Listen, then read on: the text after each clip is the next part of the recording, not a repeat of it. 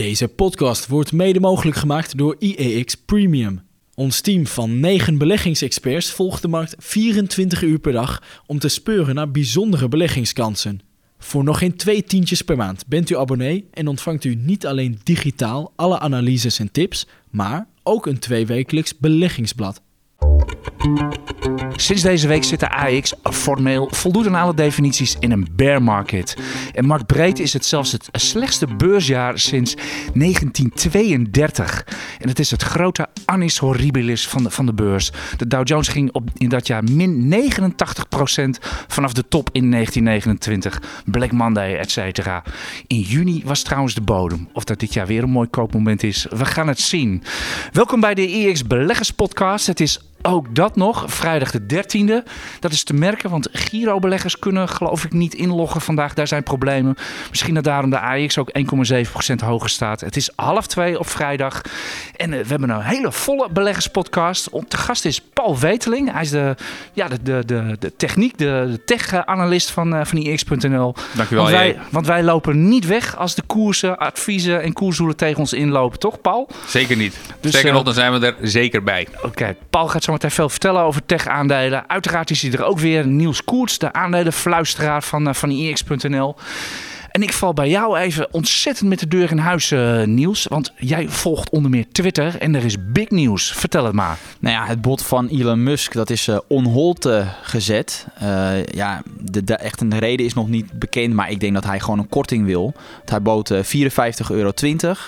En toen had ik al gezegd, toen hij dat bod deed, uiteindelijk um, zei ik al van, nou, toen was de koers rond de 50 euro dollar. Toen zei ik al van, nou, wees maar, uh, neem je winst maar, want uh, hij kan wel eens, uh, je weet het nooit bij Elon Musk en dat, dat blijkt wel. Groen vinkje, Niels, dat was een mooi, een mooi verkoopmoment blijkbaar. Ja, achteraf wel. Ja. Overigens, we hadden Twitter al op de agenda staan voor deze, voor deze podcast, want wij wilden weten of er soms gratis geld op tafel ja, Nou, er stond wel een vraagteken achter, dus want wij wisten natuurlijk al van, nou, het zit, ligt er iets van 10% onder, maar er zijn echt wel risico's. En dat wilden we eigenlijk bespreken en dan, nou ja, als een duveltje uit een doosje gaat het bot waarschijnlijk misschien wel door, maar misschien ja, toch wel met een, met een stevige ja, discount. Elon is ons, uh, is ons voor. Per Twitter heeft hij dat trouwens gedaan. En niet per persbericht of wat dan ook. Maar ik zie, ik zie jou al lachen, Paul. Uh, wat zal de SEC hiervan vinden? Uh, of heeft hij daar een uitzonderingspositie? Nou ja, dat is ook nog een goede. Ik weet niet of hij, ik weet niet of hij een uitzonderingspositie heeft. Maar ja, goed, in ieder geval, hij is tot nu toe redelijk goed mee weggekomen met alles wat hij allemaal heeft gezegd op Twitter. Uh, maar ik, ik denk dat, um, dat er inderdaad een, uh, dat het bod inderdaad ook lager gaat worden dan het, uh, het vorige bod. Dus dat, dat, er een lagere prijs uiteindelijk geboden gaat worden door hem. Ja. ja heeft dat misschien te maken met de koers van, van Tesla? Staat ook behoorlijk onder druk. Iets vanaf de top, iets van 40% eraf volgens mm -hmm. mij uit mijn hoofd. Er is meer nieuws over Tesla vandaag. Want Tesla India, dus een nieuwe Giga Factory, is ook on hold gezet. Kijk je daarvan op, Paul? Want jij bent weer de Tesla-analyst van ons. Nou, ik denk dat hij letterlijk on hold is gezet. Dus dat hij er uiteindelijk wel komt. Maar ja, goed, enige terughoudendheid.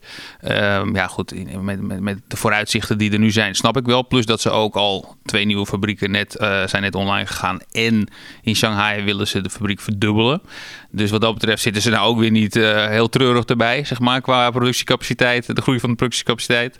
Dus ja, het verbaast me niet heel erg. Maar ik denk dat die fabriek in India er uiteindelijk wel komt. Dus uh, oké, okay, nou, dit ja. is even een uh, alternatief intro. Want ik was eigenlijk nog niet helemaal klaar met mijn uh, introductie.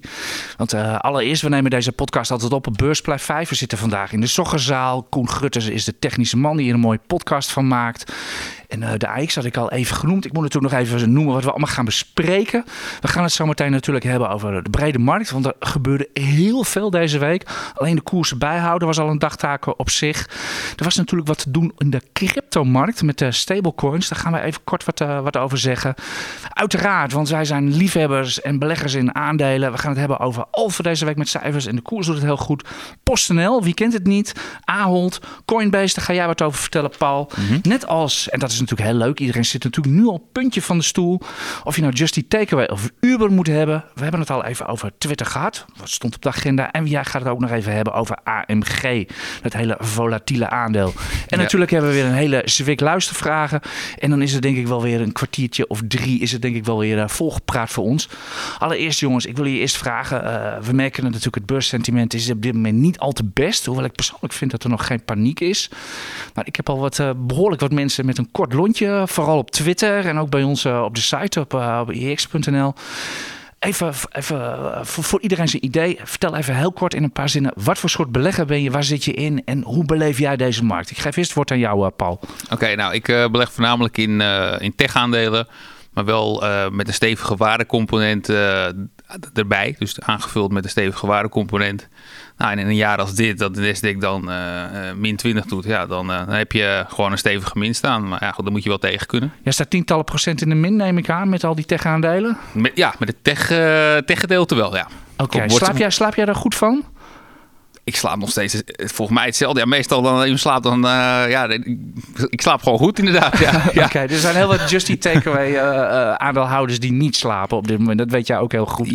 Dus vandaar deze vraag. Niels, hoe zit het met jou? Nou, ik ben echt wel een waardebelegger. Dus eh 80% van mijn portefeuille bestaat wel uit bedrijven die gewoon hele sterke kaststromen behalen. Ja, en dan hou je in een jaar als dit hou je een mooie outperformance.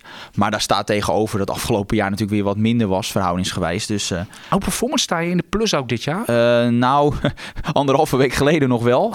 maar ik moet het normaal. ja, dan noem je wat. Ja, dat is heel lang geleden. Nou, ik, ik, ik misschien een paar procentjes nu onder water. Dus dat is ja, dan, in principe gaat die beermarkt dan aan mij voorbij. Maar daar staat tegenover dat ik vorig jaar ook wel minder winst had dan eh, de markt. ja, die dus, zat eh, bij Paul vorig jaar. Dus, ja, dat klopt. Dus nou ja, eigenlijk als je een mix had van de portefeuille van mij en van, van Paul, dan zou je wel aardig in het midden uitkomen. Denk Ja. ik ook. Ik heb zelf trouwens geen idee waar ik sta, want ik kijk nooit. En, eh, maar ik beleg voornamelijk in de wereldindex. En de wereldindex in, in euro's is volgens mij de beste index nog te, de- op, dit moment dit jaar. Hè? De paar procent in de min. Ja, dat zal nu wel met die... met Nou, die, nu met die harder, ja, hoor. nu de S&P 500 ook echt aan het dalen is. En ook Big Tech. Apple zit nu formeel ook in een bear market. Big Tech is ook niet meer immuun voor alle, kunst, voor alle koersdalingen. Zal het, eh, zal het wel wat minder zijn. Maar in ieder geval, ik ben, ik ben echt een lange termijn belegger. En koersdalingen, et cetera. Ja, daar haal ik mijn schouders over op. Hoort erbij. En eh, ik, zie dit eerder als, eh, ik zit eerder te kijken met koopogen dan met, eh, met verkoopogen. Hebben jullie dat ook? Zelfs jij, Paul? Eh, behoorlijk, ja. Ja, dat, uit, eh, ja, ik weet dat Paul die staat echt te Je springen. hebt een Die dikke echt- grijns nu om je mond. Ja, eh. nou ja, dit zijn, gewoon, dit zijn gewoon fantastische momenten om wat te kopen. Nou wil ik niet zeggen dat dit nu het moment is dat je al je fiches naar voren moet schuiven die je nog hebt liggen. Ook afhankelijk van wat je nog verwacht binnen te krijgen in de komende periode natuurlijk aan cashflow.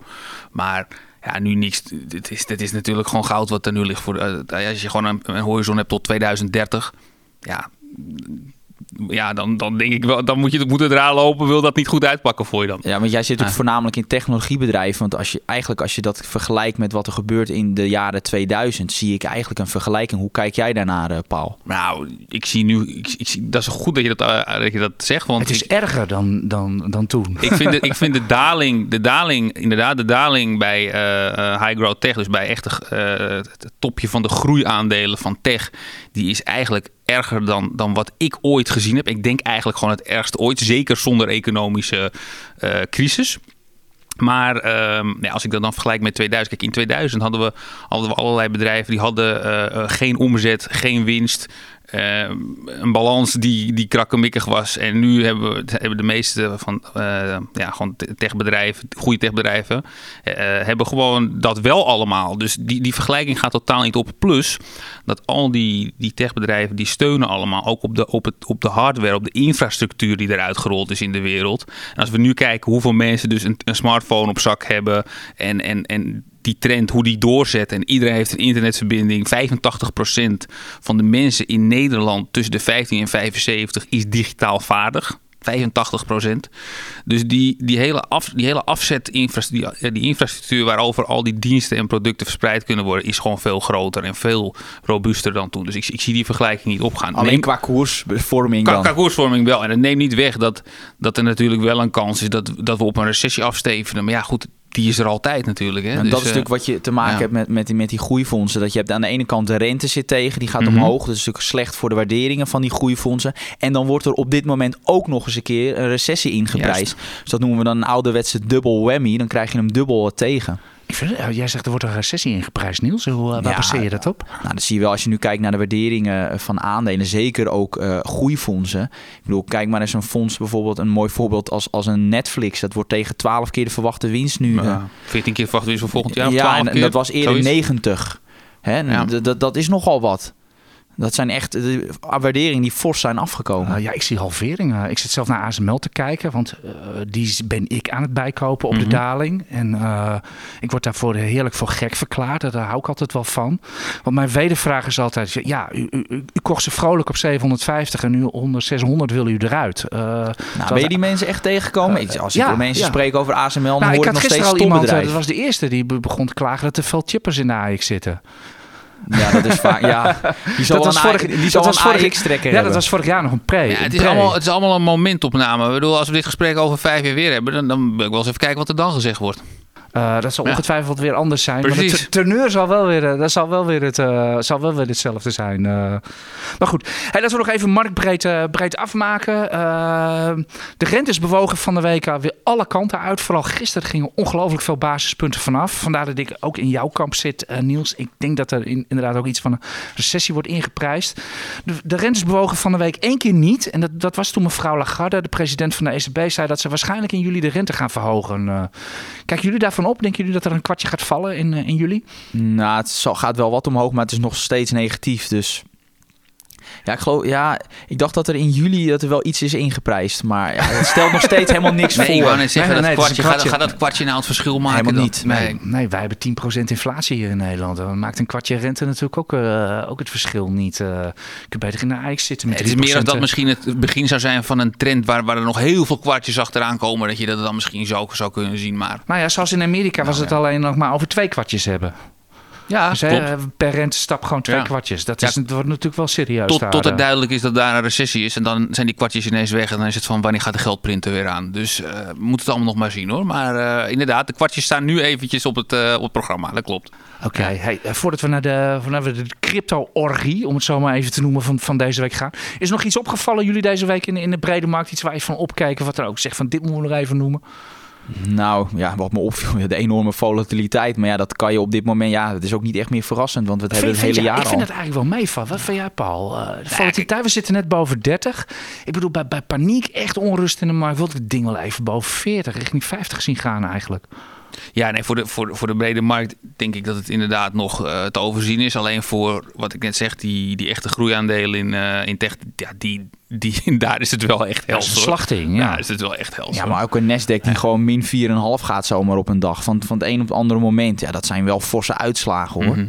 Ja, Zeker. Ik zit, nog even te vragen aan jou tussendoor. Ik zit bij tech, zit ik zelf heel erg een scheiding te maken tussen niet winstgevende, wat ik, zelf, wat ik zelf absoluut niet wil hebben, en juist hele lucratieve winstgevende uh, aandelen. Hey, nou, ik zeg dat eigenlijk heel simpel. Adyen en de chippers, dat zijn de winstmakers. En bij Proces en Justy Takeaway ligt dat wat complexer.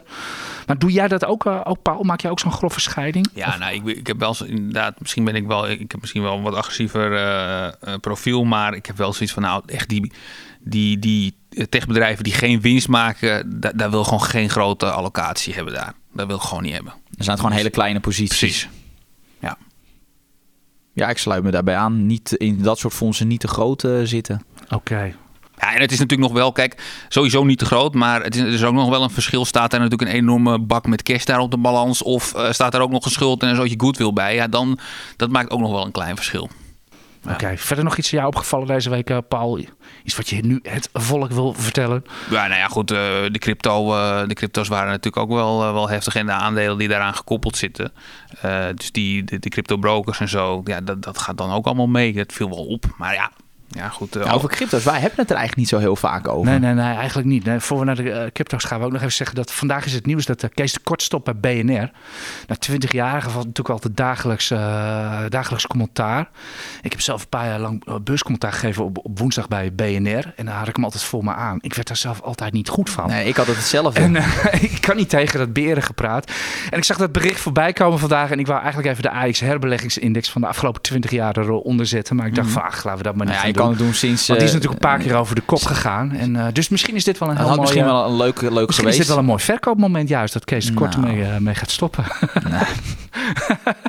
ik zie jullie zeer sceptisch kijken. Oké, okay, stablecoins, crypto, cryptocurrency. Het was van de week echt een gigantisch bal. En uh, zelfs de Amerikaanse Minfin, Janet Yellen, meende dat ze zich daar gisteren even mee moest bemoeien. Uh, Niels, wat heb jij allemaal gezien deze week? Nou ja, een stablecoin die uh, toch niet zo heel stable uh, was. Dat is mij uh, wel opgevallen.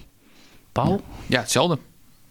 Ja, waar hebben we het Nou. dan over? We, we- we- het gaat deze, ging deze week denk ik over twee stablecoins. Ja, zo zit die crypto-wereld een beetje in elkaar. We gaan nu, nu zeker niet die hele crypto-wereld uit de, uit de boeken doen. Maar we doen het even heel, heel kort en, eh, en, snappy. Eh, je hebt twee soorten crypto's. Dat zijn stablecoins, dat zijn cryptocurrencies. Nou, die cryptocurrencies, dat zijn natuurlijk die, eh, die volatiele, ongeleide projectielen. En dan heb je ook stablecoins. En dat zijn eigenlijk... Ja, om het maar even zo te zeggen, de soort van centrale banken van de, van de, van de cryptocurrency-markt, maar ook van de cryptomarkt, als je het zo mag noemen. Dat is een beetje de schakel tussen de gewone markt, de cryptomarkt en ook op de cryptomarkt zelf. Als je wat cash hebt of wat dan ook, je moet ergens wat kwijt, dan zijn die stablecoins daar eh, zeer geschikt voor. Alleen Niels, je zegt het al, het is niet zo stable. Eh, hoeveel ging eraf gisteren bij, eh, bij Tether? Want het gaat vooral om Tether of Tether, hoe moeten we het zeggen? Eh, Paul, weet jij dat? Volgens mij Tether, maar...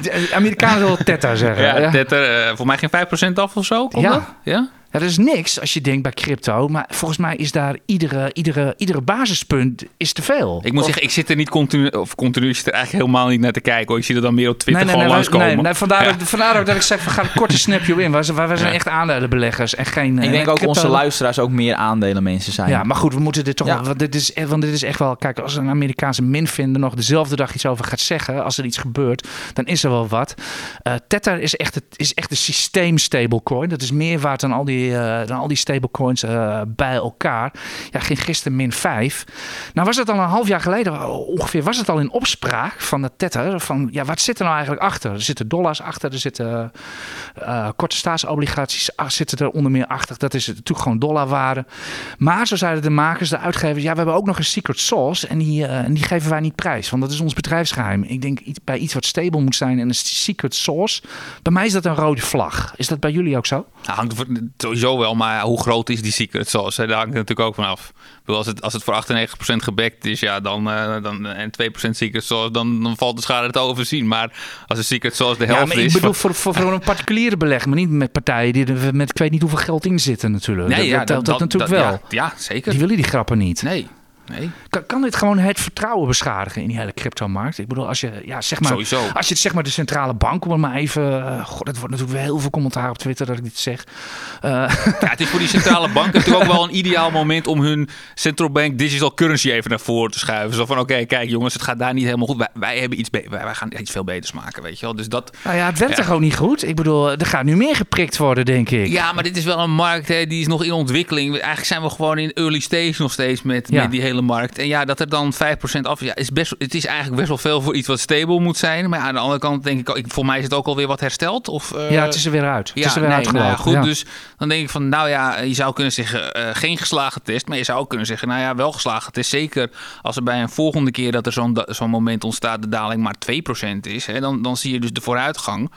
Nou ja, dan zou, zou je het ook nog van een positieve kant kunnen bekijken. Maar goed, een andere stablecoin, ik geloof dat dat de Luna was. ja, Die ging min 99,9 Ja, die, die test is gefaald. Ja, dat, is, die, dat is eh, duidelijk. Ja, het is overigens maar, is overigens maar een kleine stablecoin. Maar in ieder geval al het eh, geld wat daarin staat is gewoon footsie. Jij zag geloof ik mensen op Twitter voorbij komen die daar hun geld in houden, toch? Of, ja, eh, ik heb wel ja. mensen gezien die ook die, die nog een, ik denk een maand geleden nog eh, getipt hadden om in die Luna coin om daar eh, geld in te stoppen, omdat er bepaalde fundamentals in zaten. Nou, blijkbaar dus niet.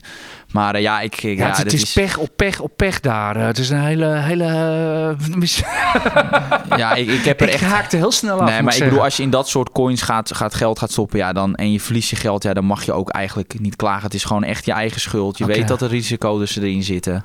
Oké, Dus, maar goed, de Amerikaanse Minfin zei gisteren wat van. Ze zegt, het is geen systeemrisico. Kan het een systeemrisico zijn? Nee, daarvoor is het toch te veel te klein. Ja, dan, het kan een systeemrisico zijn als echt alle financiële partijen elkaar niet meer vertrouwen. maar dat is niet zo. Nou, we, gaan, we, gaan het, we gaan het wel zien wat, wat dat betreft. Zullen we maar gauw naar onze, wat wij echt leuk vinden, jongens, gaan? Dat zijn aandelen. Laten we dat doen. Oké, Twitter al even genoemd. Hadden van de week, en volgens mij is dat een van de beste aandelen deze week. Ik zag het echt, eh, echt schitteren deze week met, eh, met een paar dikke koerswinsten. Alfa. Ja, klopt. Niels, jij bent de analist van Alfa Brandlos. Nou, ik, ik, ik zat dus eh, meteen, eh, dat was eh, woensdagochtend, eh, ochtend zat ik eh, te kijken. En eh, het eerste wat ik al zag, ja, dit waren gewoon hele goede cijfers. Ik kan er niks anders van maken. En wat ik heel knap vind van dat bedrijf, het is natuurlijk meer een engineeringsbedrijf. En dan zou je verwachten dat ze relatief veel last hebben van problemen in die toeleveringsketen. Maar dat probleem, die, problemen, die hebben ze echt het hoofd weten te bieden. En ja, zeker de, de groei bij de laadpalen divisie, ja, die is echt indrukwekkend. 185% omzetgroei. En daardoor is die laadpalendivisie is nu bijna goed voor bijna 60% van de totale omzet. Nou, ten tijde van de beursgang in 2018 was het nog maar 10%. Dus dat is echt ja, het kroonjuweel van, uh, van ja, Alphen. kroonjuweel, want is dat grote, zitten daar de grote marges? ook, dat is ook een van de redenen waarom de, de marges bij, bij Alphen ook omhoog zijn gegaan. Dat was in het eerste kwartaal van 2021 was het nog maar 13% uh, uh, bedrijfsmarge en nu is dat al 18. En dan heb je ook nog eens keer die kostenstijgingen die, de, die, er, die er zijn geweest. Dus prachtige cijfers. En uh, ja, voor mij waren die cijfers aanleiding om het aandeel ook voor de vierde keer op, op kopen te zetten. Ik kreeg heel veel klachten van ja, had het even een dag eerder gedaan. nou ja, dat, ik wist echt niet dat die cijfers zo goed zijn. Maar wat je wel ziet is dat ondanks dat het, de koers al bij opening 12% stijgt, dan zie je toch dat het uiteindelijk doorstijgt. Omdat die cijfers waren echt goed. Dus... Uh, Zit er een goed management? Dat ze, dat, dat ze geen last hebben van die supply chain? Of dat het hoofd weten te bieden? Uh, nou ja, bij elkaar weten goed, te bellen? Wat, wat ze gewoon goed hebben gedaan is die voorraden toch dat ze die op tijd hebben opgekrikt. En, uh, en, en dat, dat betaalt zich op dit moment uit. En uh, ja, petje af. Maar ik geloof niet dat het management zelf ook had verwacht dat het zo goed zou gaan. Want ze hebben, het hele management heeft zo'n beetje al hun aandelen twee jaar geleden al verkocht. Ja, echt op hele verkeerde momenten ook. Ja, ja. dus zo zie je maar. ja. Dus nee, wat dat betreft zijn ze zelf ook niet gelukkig. en maar het aandeel is wel hartstikke duur. Ja, dat Lijkt. Maar dat met lijkt. dit soort groeicijfers, dat is, uh, dan, dan gaat die waardering heel snel omlaag. Dus, uh, dus ja, ik heb ook een koersdoel van 100 uh, afgegeven. Dus er zit nog wel wat ruimte. Het, is, het, gaat er wel heel snel uit door die koersstijging. Maar ja, het is, een, het is een mooi fonds. Dus, ja. Kijk jij als techliefhebber ook naar Alfa, uh, Paul? Of vind je, of, zeg je, ja, engineering, daar hou ik me niet mee bezig? Nee, nee, Niels heeft Alfa eigenlijk een beetje van me gestolen. Maar dat was, uh, wat mag hoor. Dat, dat was met toestemming. Dat was met toestemming. Ja, wacht even. Beide heren zijn natuurlijk aandelenanalist van, van IEX.nl. En portfolio's worden wel eens, er wordt wel eens wat geschoven her en der. Dus uh, vandaar. nee, we moeten het wel een beetje dynamisch houden. Maar nou, wat het is, kijk, Alfa maakt natuurlijk in principe de infrastructuur voor elektri ja, elektrificering van de, uh, van de maatschappij. Dus op het moment dat... Ja, niet alleen auto's, hè? dat moet je niet vergeten. Precies, nee. precies. Maar dus eigenlijk gewoon de, de, de, hele infrastructuur doen ze. En om even dan echt toch wel even in te haken op die laadpaal, omdat het een simpel voorbeeld is. Kijk, als er natuurlijk uh, zoveel vraag is naar laadpalen, dan betekent dat ook, die, die laadpalen, er is niet zoveel vraag naar omdat er niks op te laden valt. Of omdat mensen verwachten dat er in de toekomst niks op te laden valt. Dus ja, dat is ook een goed, een goed teken bijvoorbeeld voor de, de, de verwachting voor de vraag naar elektrische auto's. Dat is toch een soort van, ja, een, ja het is, Alfa is natuurlijk geen wereldspeler, maar ze, hebben toch best, ze zijn toch best wel in West-Europa best wel groot. En, uh, merendeel halen ze ook uit het buitenland, hè? Een merendeel van de omzet. Daarom. Dus uh, volgens mij is het vooral West-Europa, Scandinavië. Ja. Uh, dus dat is, gewoon, uh, dat is gewoon een goed teken. Uh, ook voor, voor, voor Tesla. Maar goed, niet dat Tesla nou per se de bevestiging vanuit het Nederlandse Alfa nodig heeft. Maar nou ja, het is, het is toch leuk om te zien. Ja, ja, hij gaat niet meer zo op. Maar Tesla en Alfa bewogen jarenlang precies gelijk op. Hè? Mm -hmm. dat, dat was echt, die grafieken kon je dus echt één op één op elkaar leggen. Alleen wist je niet welke nou welke voorging. Dat was nee, ik moet eerlijk zeggen, ik had niet verwacht dat Alfa dit jaar zou outperformen op, op Tesla. Nee. Is het zo? Ja, ja. dat is zeker gebeurd. ja. okay, nou, Alphen die... omhoog en Tesla omlaag. Kunnen wel, ze vanmiddag in uh, Almere een flesje op open trekken dan? Ze doen beter dan Tesla. Ja, nou, het is natuurlijk wel een hele korte termijn waar je dan een flesje op open trekt. Maar ja, altijd wat te vieren. nou, dan op de mooie cijfers. Uh. Ja, nou ja, van een mooi aandeel gaan we naar... Ja, uh, afgelopen maandag voor beurs waren de cijfers van PostNL. Was dit wat wij vreesden, Niels? Ja, je kon, als je keek naar de cijfers van B-Post... dan wist je eigenlijk wel dat dit eraan zat komen. Die waren ook zo slecht. Het viel me eigenlijk al op dat die koers van uh, PostNL niet eens zo heel hard daalde op de, de winstwaarschuwing van uh, B-Post. Nou, toen kwam PostNL. Ja, weer ouderwets slechte cijfers. Kan er niks anders van maken. Ah, hoezo ouderwets? Nou, in het verleden is nog wel eens uh, vaak teleurgesteld. met name toch wel vrije Castro, min 67 procent. Dus ze worden dubbel gepakt. De kosten lopen op. En omdat ja, die economieën die gaan weer, weer open. Dus we gaan trekken er meer op uit, weer naar de winkels. En dat gaat ten koste van, van e-commerce. En daar hebben zij last van. Kan er niks anders van maken. Dat is een, dat is een kort maar duidelijk verhaal. De, de shorters hebben hier gelijk. Want dat is natuurlijk waar iedereen die in PostNL zit naar zit te kijken. Ga maar in het shortregister zetten. Uh, en je komt de hele city van Londen staat daar zo, staat daar zo ongeveer. Ja, nou ja, het, maar uh, ja, dat is, ja ik, ik snap dat de mensen short in zijn gegaan. Het is wel zo op dit niveau. Om ze nu nog te verkopen vind ik dan wel wat te ver gaan. Het is laag gewaardeerd, maar dat is ook terecht bij dit bedrijf. Ik kan er niks anders van maken. Dus stel je hebt de aandelen, ik zou ze ook nu niet meer verkopen. Dus uh, nee, het fonds zit overigens uh, deze week ongeveer alweer een jaar in een bear market. Het komt van echt exact vijf. Dus het, het is niet best. Nee, We doen nog even. Ik wou nog één ding daarover zeggen over PostNL. Misschien dat ehm, dat het niet dat het wel iets te makkelijk is om het alleen maar op eh, de markt. eh, als er zoveel short in zit, dan ruikt men misschien ook wel een beetje zwakte. En dan bedoel ik dus meer ook bedrijfsmatig. Dat een Ja, beetje zwak management, daar hebben we het vaak over gehad. Dus, dus, ik denk, dat ga ik eh, niet nog een keer oh, doen. Ja, er wordt getwijfeld aan het dividend. Nou ja, het percentage is wat dat betreft eh, al duidelijk. En eh, KPN had ooit ook zo'n akkefietje, stond op 11%. En eh, die, gingen, die moesten vervolgens passeren. Dus dat is zo erg zal het bij PostNL niet zijn. Maar eh, echt mooie dividendverhogingen zitten, zitten op dit moment niet in het verschiet. Eh. voordat wij naar Coinbase gaan, zoals je eh, had beloofd, gaan we doen we toch eerst even de lezers vragen om eh, het allemaal een beetje te berekenen. Zeker. Ik begin gewoon met een vraag voor mezelf. een vraag van Zo kennen we je weer, Van- Een Niels. vraag van Erik Tielkemeijer. Hij vraagt: Hoi Niels, de koers van Flatex de Giro is hard aan het inzakken. Heeft dit te maken met een mogelijk verbod op payment voor orderflow? Mijn handen jeuken om wat stukken op te pakken. Ja, dat kan dus vandaag niet. Want ik weet niet of Flatex de Giro of iedereen daar alweer naar binnen kan. eh. ja, er is een storing op dit Ja, moment. ik kijk ook even naar onze regisseur, eh, Koen. Die, wil, die wilde vandaag zijn e-busco's verkopen bij, eh, bij de Giro de Flatex. Is dat al gelukt, Koen? Hij schudt nee. Dus Koen is wat dat betreft, die komt er nog niet in. Maar in ieder geval, we, we Ja, weten niet precies hoe het nee, zit daar. Maar als je kijkt naar de payment voor orderflow, ehm, dat maakt maar voor minder dan 1% eh, deel uit van de omzet van Flatex de Giro. Dus dat is het gewoon niet. Ja, die koersdaling, ik heb het aandeel in november precies op de piek van de markt heb ik het getipt. ja, daar doe je, daar doe je niks aan. Eh, op een koers van 21. Ja, er zijn mensen die er heel anders over Ja. denken. Dat je er niks aan kan doen. Nee, maar het is sindsdien eh, procent of 40 gezakt. En als ik nu vergelijk met mijn taxaties voor, voor Flatex, die heb ik maar met 8% eh, naar beneden bijgesteld. Terwijl de koers 40% is gezakt. Dus dat geeft ook wel aan hoeveel goedkoper dat fonds is, eh, is geworden. Ja, ik kan die hele forse koersdaling niet eh, verklaren. Ik heb de aandelen zelf ook, dus ik blijf gewoon eh, zitten.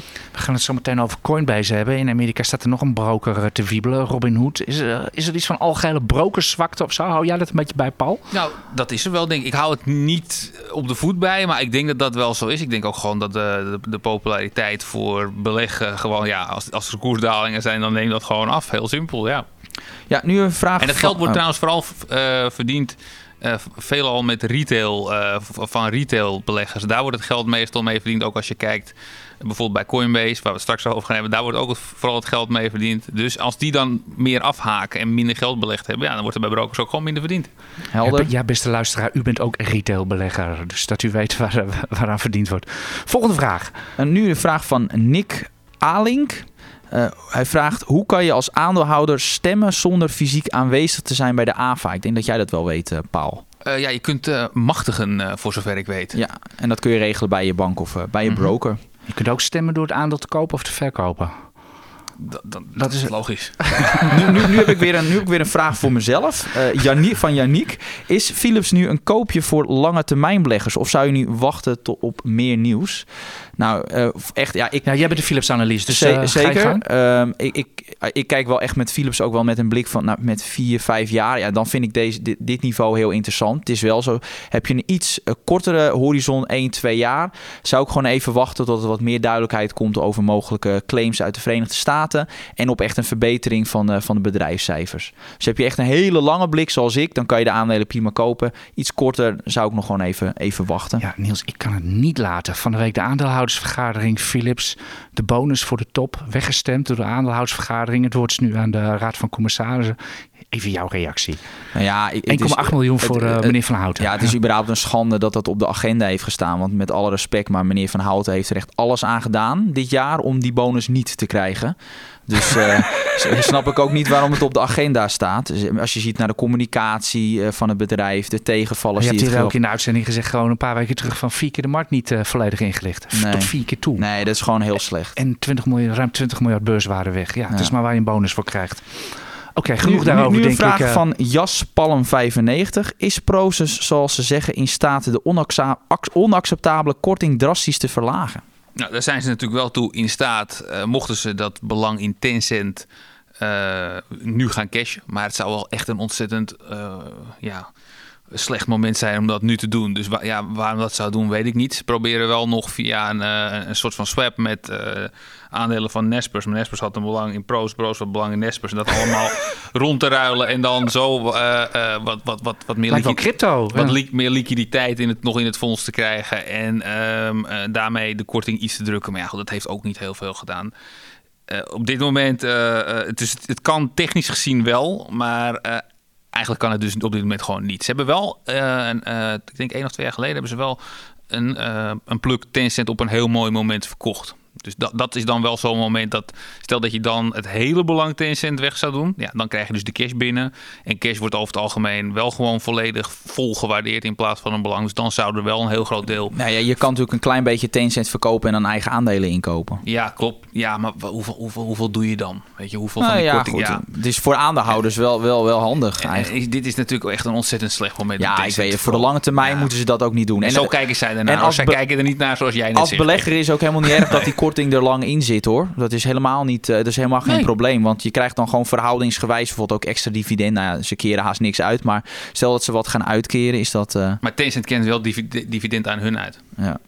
Oké, nou Ja, tot slot. Ja, nou, tot slot. wacht, als, ik nog even, als ik ook nog even een lezersvraag dan aan Paul mag stellen. Eh, je hebt het over Tencent. Wil China van haar big tech af? Dat, dat denk ik soms af en toe gewoon te denken. Ja, dat, dat idee krijg je inderdaad. Maar ja, eh, maar hoe precies? ik Ja. zie geen toekomst zonder tech. Dus eh, eh, China zonder tech wordt ook lastig. Dus ja, En opknippen is in principe in je voordeel als aandeelhouder. Dus, ja. eigenlijk wel ja. Ja. ja. Ja, Maar ze ik- moeten het echt gaan stuk maken. Ja.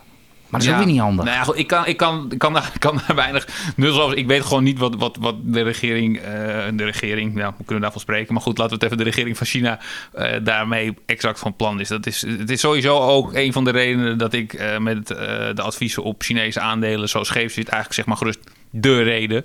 Want ehm, qua, qua bedrijfs, bedrijfsmatig valt, het al, valt de schade allemaal echt nog wel mee. Alleen, ja, eh, het, het wordt gewoon continu in de weg gezeten door de Chinese overheid. Ja, ja, het werkt daar gewoon heel anders dan hier. Klaar, Zeker. Ja. Helder. Ja. Oké, AJ, klaar, tot ja. slot ook nog een vraag voor jou. Zo ben ik nog. ook wel weer.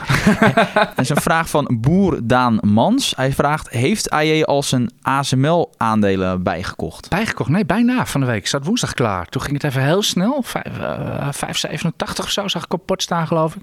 Ja, zo ergens bij 5,75 of zo had ik gedacht bij te kopen. Ik zei het net volgens mij ook al van, ik, eh, ik koop eh, ASML gewoon op de daling bij. Ik ga niet een Dus je hebt, timen dus of je wat dan ook. je hebt 5,75 in gedachten. Ja, zoiets. Dan is mijn Dat- min 40 vanaf de Ah, top. ik nou, heb zelf rond min mooi- 20 en min 30 heb ik wat bijgekocht. En dan zo'n min 40 ook weer een Ah, plukje oké. bij. Het zou wel mooi zijn als dat bedrag gewoon nooit meer op de borden komt. Dat kan bij ASML. Dat is echt zo'n aandeel dat dat kan. Bij, ASML, eh, bij ASML kan heel veel. Maar ik kijk vooral naar die eh, Outlook 2025. Oké, we gaan verder met, eh, met de volgende aandelen. Paul, eh, Coinbase, waarom zit je daar in vredesnaam in? Ja, Coinbase is natuurlijk de, de beursgenoteerde cryptobroker. En de koers is aan diggelen. Ja, de koers ligt eh, helemaal aan diggelen, kunnen we rustig zeggen. Ten eerste is het natuurlijk een bedrijf, een, een echte groeier. Dus dat is sowieso al in, dit, in dit marktsentiment niet goed. En dat, dat komt natuurlijk omdat de waarderingen van dat soort bedrijven enorm onder druk liggen. Want qua resultaten, vorig jaar werd er ruim 14 dollar verdiend per aandeel. Dus koers was gisteren heel even 42. Dus het was drie keer de winst van vorig jaar. Ja, maar voor, voor dit jaar wordt er iets Voor anders dit jaar verwacht. wordt er weer iets heel anders verwacht. Eh, 2 dollar of zo? eh, nou ja, zoiets inderdaad. Maar wat, wat, wat wel zo is, kijk, eh, in principe is het met Coinbase op deze koers gewoon zo van, nou, geloof je in crypto, dan in, in, in, de voor, vooruit, vooruitgang van crypto en van cryptocurrency, dan, eh, en de blockchain, dan moet je hem hebben. En als je daar gewoon niet in gelooft, ja, dan moet je gewoon wegblijven. Maar ja, eh, het is in principe een no-brainer als je daarin gelooft. Ja, ook een vraag voor jou. Want Of waar ik, me ook, waar ik me een beetje zorgen maak, ook bij, bij Coinbase, is dat nu zijn die, als jij een bitcoin koopt, heb je relatief eh, hoge transactiekosten. Vrees je niet dat die transactiekosten hard omlaag gaan en dat dat ten koste gaat van de winst van eh, Coinbase? Ja, dat, dat, dat, nou, dat vrees ik niet. Dat verwacht ik, verwacht ik zelfs.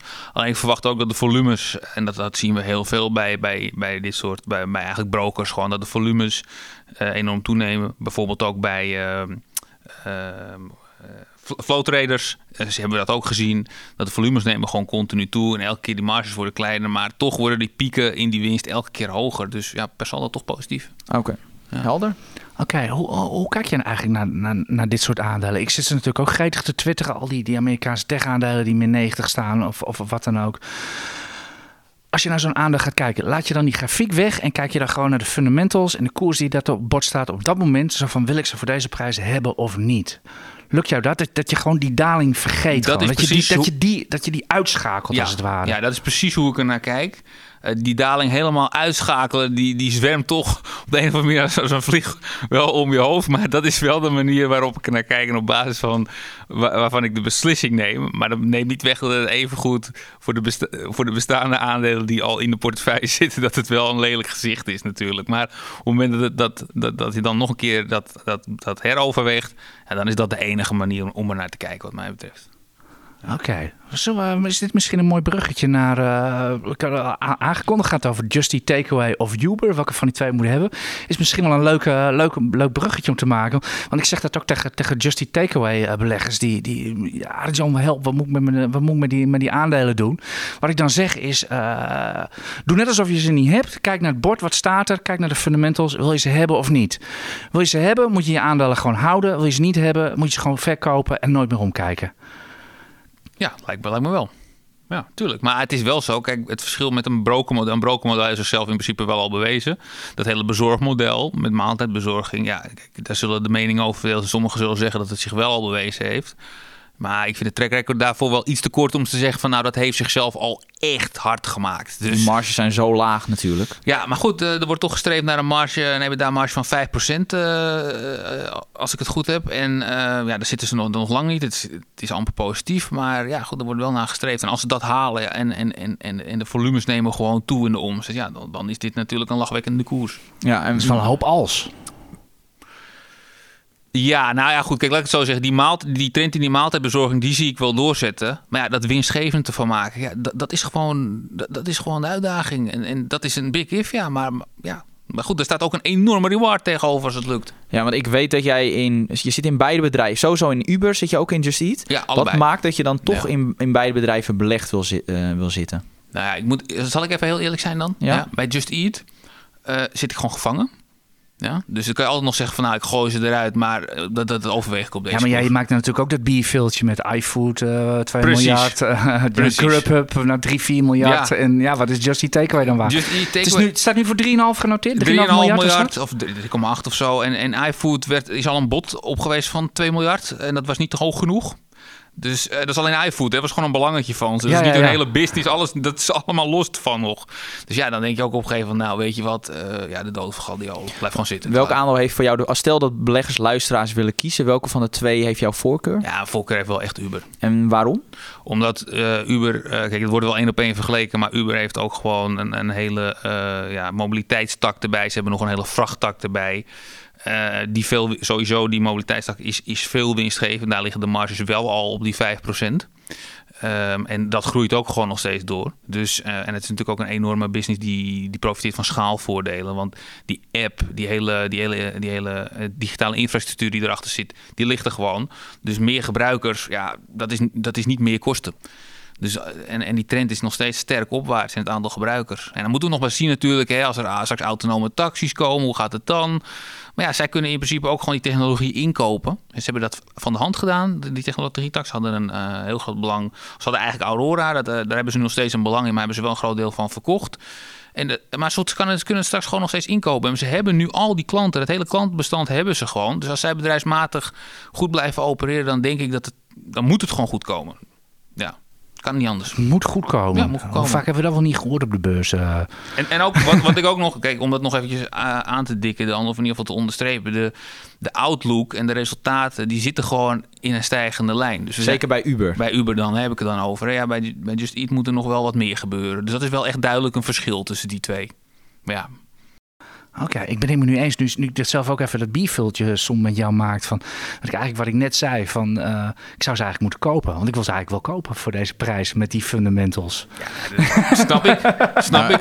AJ die in, een- in die, na- die in een groeifonds gaat beleggen. Dat eh, Nee, heb ik nog niet eerder is, eh, gezien. Nee, ik, durf is- ook, ik durf ook serieus te beweren als de markt zou weten dat Jitse, eh, eh, Jitse, sorry, dat Jitse Groen, de CEO, meer bereid zou zijn om dynamisch met eh, eh, belangen en eh, dingen afstoten te schuiven. Dan, komt ook veel, dan zou ook veel meer de waarde, er, de waarde gewoon erkend worden. Dus dan zou het niet uitmaken dat het bedrijfsmatig nog niet in winstgevendheid nog niet goed is. Dan, wordt gewoon, dan zou de waarde veel meer erkend worden die erin zit voor iemand die het wel eruit haalt. Nou wil ik niet zeggen dat het dit niet gaat lukken, want ik bedoel, hij is de founder. En uh, petje af voor hem uh, wat dat betreft. Alleen ja, er moet nu wel echt even wat gaan gebeuren bedrijfsmatig. Om die, om die waarde eruit te laten komen. Als je niet bereid bent om je spulletjes te verkopen. Want anders dan heb je dubbel niks als aandeelhouder. Oké, okay, dus wat kritiek, uh, om het heel zacht uit te drukken op, op Jitse Groen. Uh, vind jij dat hij het goed doet? Of, uh... ja, ik vind dat hij, dat, hij, dat hij heel ver is gekomen. Maar ja, uiteindelijk is, is, is een bedrijf runnen met, met een beursnotering... is wel gewoon winst maken en cashflows genereren... en een groot imperium opbouwen. Dat is mooi, maar uiteindelijk moet het wel gewoon hard gemaakt worden. Oké, okay, hoe vond jij trouwens dat hij op de aandeelhoudersvergadering... was veel kritiek op hoe hij met grote aandeelhouders omging? Ik was daar niet zo over te spreken. Oké, dat is een mooi diplomatiek antwoord. Laten we het daar maar op houden. Uh, Oké, dus jij, dus jij uh, Uber heeft jouw lichte voorkeur en Just Takeaway is gewoon maar hopen. Daar komt het wel een daar beetje... Daar komt het wel neer, ja. ja. dat soort dingen, dat overkomt je allemaal wel een keer vroeg of laat. Ja. Egon Nieuws, want de rentes, Amerikaanse rente al boven 3 procent. Dat waren mooie cijfers van ja, Egon, denk ik. De dollar, echt... sterke dollar en dan, en dan niet. Ze hebben wel echt profijt gehad van de sterke dollar. En wat ook wel hun in de kaart speelde was uh, de verkoop van de Hongaarse tak. Waardoor hun balans uh, veel sterker werd. En daardoor konden ze ook uh, voor 300 miljoen aan eigen aandelen kopen. Dus dat was, was positief. Uh, verder vond ik de cijfers niet heel bijzonder. Ja, even voor de goede orde, want ik niet gezegd geloof ik van de week waren de cijfers. Ja, dus uh, van dus, Egon, ja. ik de verzekeraar, en als je echt moet kiezen tussen de drie, dan gaat mijn voorkeur nog altijd wel uit naar NN en AZR. Omdat het risicoprofiel bij, bij, N, of bij Egon gewoon wat hoger, wat groter is. En wat mij ook opviel is dat zij niet echt volledig hebben geprofiteerd van die stijgende rente. Omdat ze zich behoorlijk hadden ingedekt tegen een dalende rente. Ja, als dan de rente stijgt, dan moet je daar ja, verliezen opnemen op, zo, op, van die, op hedges die je dan... Oké, okay, achteraf is het natuurlijk makkelijk oordelen, maar vind je terecht dat, dat Egon dat had gedaan? Ja, omdat ze willen gewoon het, het Lart Vriezen wilde dus de topman die wilde gewoon een saaie verzekeraar à la ASR van maken. Ja, dan moet je zoveel mogelijk risico's af, afbouwen. En dat doen ze ook bijvoorbeeld door middel van uh, bepaalde uh, polissen af te kopen in de Verenigde Staten, waar in het verleden ook wel uh, vaak problemen mee waren. Dus het, het, risicoprofiel van Egon wordt, wordt afgebouwd. Maar echt als je puur kijkt naar cashflow, ja, NN en AZR, dat, dat ligt daar gewoon veel hoger en, dan bij Egon. Dus daardoor mijn voorkeur voor de andere twee verzekeraars. Van de week ook cijfers van, van AMG. Dat is, dat, dat aandeel is gewoon no-brainer in deze commodity-markt en elektrische auto's, Paul. Waarom is het dan zo volatiel? Hele goede vraag. Uh, wat natuurlijk wel zo is, wat ik, uh, om mee te beginnen, de grondstofprijzen, die zijn natuurlijk niet te uh, voorspellen. Dus op het moment dat mensen een recessie vrezen, nou, dan weten we minder vraag naar grondstoffen, instortende grondstofprijzen wegwezen. daarnaast is het natuurlijk ook gewoon een kwestie van druk op de waardering van, al, van alle aandelen, ook bij AMG, is toch ook wel echt een groeier. Um, en dus gekoppeld met die recessievrees, uh, um, ja, zou je daar een verklaring uit kunnen halen? Ik vind het eigenlijk niet genoeg, dus ik sta er wel uh, van te kijken. Uh, en dan wordt er natuurlijk gevraagd van ja, en wanneer gaat die inflatie dan draaien? En wanneer gaat die rente dan draaien? En komt die recessie er wel of niet? Dat weten we niet. Maar wat we wel weten is dat AMG uh, een van de laagste productiekosten heeft ter wereld. Met al die speciale metalen die ze creëren. Ze zijn bedrijfsmatig gewoon sterk. Ze creëren gewoon waarde. Dus de, de sterke jaren waarin dus de grondstofprijzen wel hoog zijn. Die, die moeten dan makkelijk opwegen tegen de uh, wat, wat zwakkere jaren. Um, en, en er wordt gewoon flink waarde gecreëerd bij dat bedrijf. Ze gaan ook door, hoger in de, in, de, in, de, in de technologische waardeschaal. Dus ze gaan die, die, um, die grondstof gaan ze upgraden naar batterijniveau. Wordt er weer meer toegevoegde waarde gecreëerd. Ik denk dat ze gewoon heel goed bezig zijn. En waarom de koers nu zo verschrikkelijk, precies zo verschrikkelijk onder druk ligt, ja, dat, dat, dat moet ik jullie het antwoord toch schuldig blijven. Ja, dat is wel, dat is wel gaaf. Kun, kun je zo aan. Ja, het is een mooi. AMG is gewoon een heel mooi verhaal. Maar kun je dit nou echt als, als buy and hold aandeel aanhouden? Of moet je gewoon maar ritjes maken? En, uh... Nou, het is, wel, het is wel een cyclisch. Het is natuurlijk wel een cyclisch aandeel. Maar wat, net wat ik net zeg, omdat ze dus hoger in die uh, meer toegevoegde waarde gaan leveren. Ja, zou je toch wel een, een, een, deel, ja, toch wel een plukje buy and hold kunnen doen. Ja, toch wel. Ja, maar, doen, maar doen er maar heel weinig, ja, omdat Inderdaad. ze volatiel is. Ja. Maar je profiteert wel van die, van die duurzaamheidstrend, van die transitie, die, die energietransitie, die is nog lang niet klaar. En als zij gewoon bedrijfsmatig sterk blijven presteren, dan, ja, dan, dan komt dat gewoon goed. Oké, okay. wie ook bedrijfsmatig goed presteert, en dat is het laatste aandeel die we bespreken vandaag, is Ahold Delhaize. En dat ging toch even keihard onderuit op een en- outlook-verhoging. We, hadden- we, nota we bene. hadden het geloof ik nog gezegd in, eh, in de podcast van nou, Ahold gaat met een Outlook-verhoging komen. Want hun, eh, ja, hun Outlook was vrij conservatief. Nou, dat doen ze. De eer is voor jou, jij hebt dat Ja, gezegd. dus ik, ik, dat, dat zag ik, maar de koers hard omlaag. En ja, dan, dan, dan ziet het waarschijnlijk zit hem toch weer in, dat, in het bol.com. Want daar vielen de cijfers wel tegen. 7% omzetkrimp.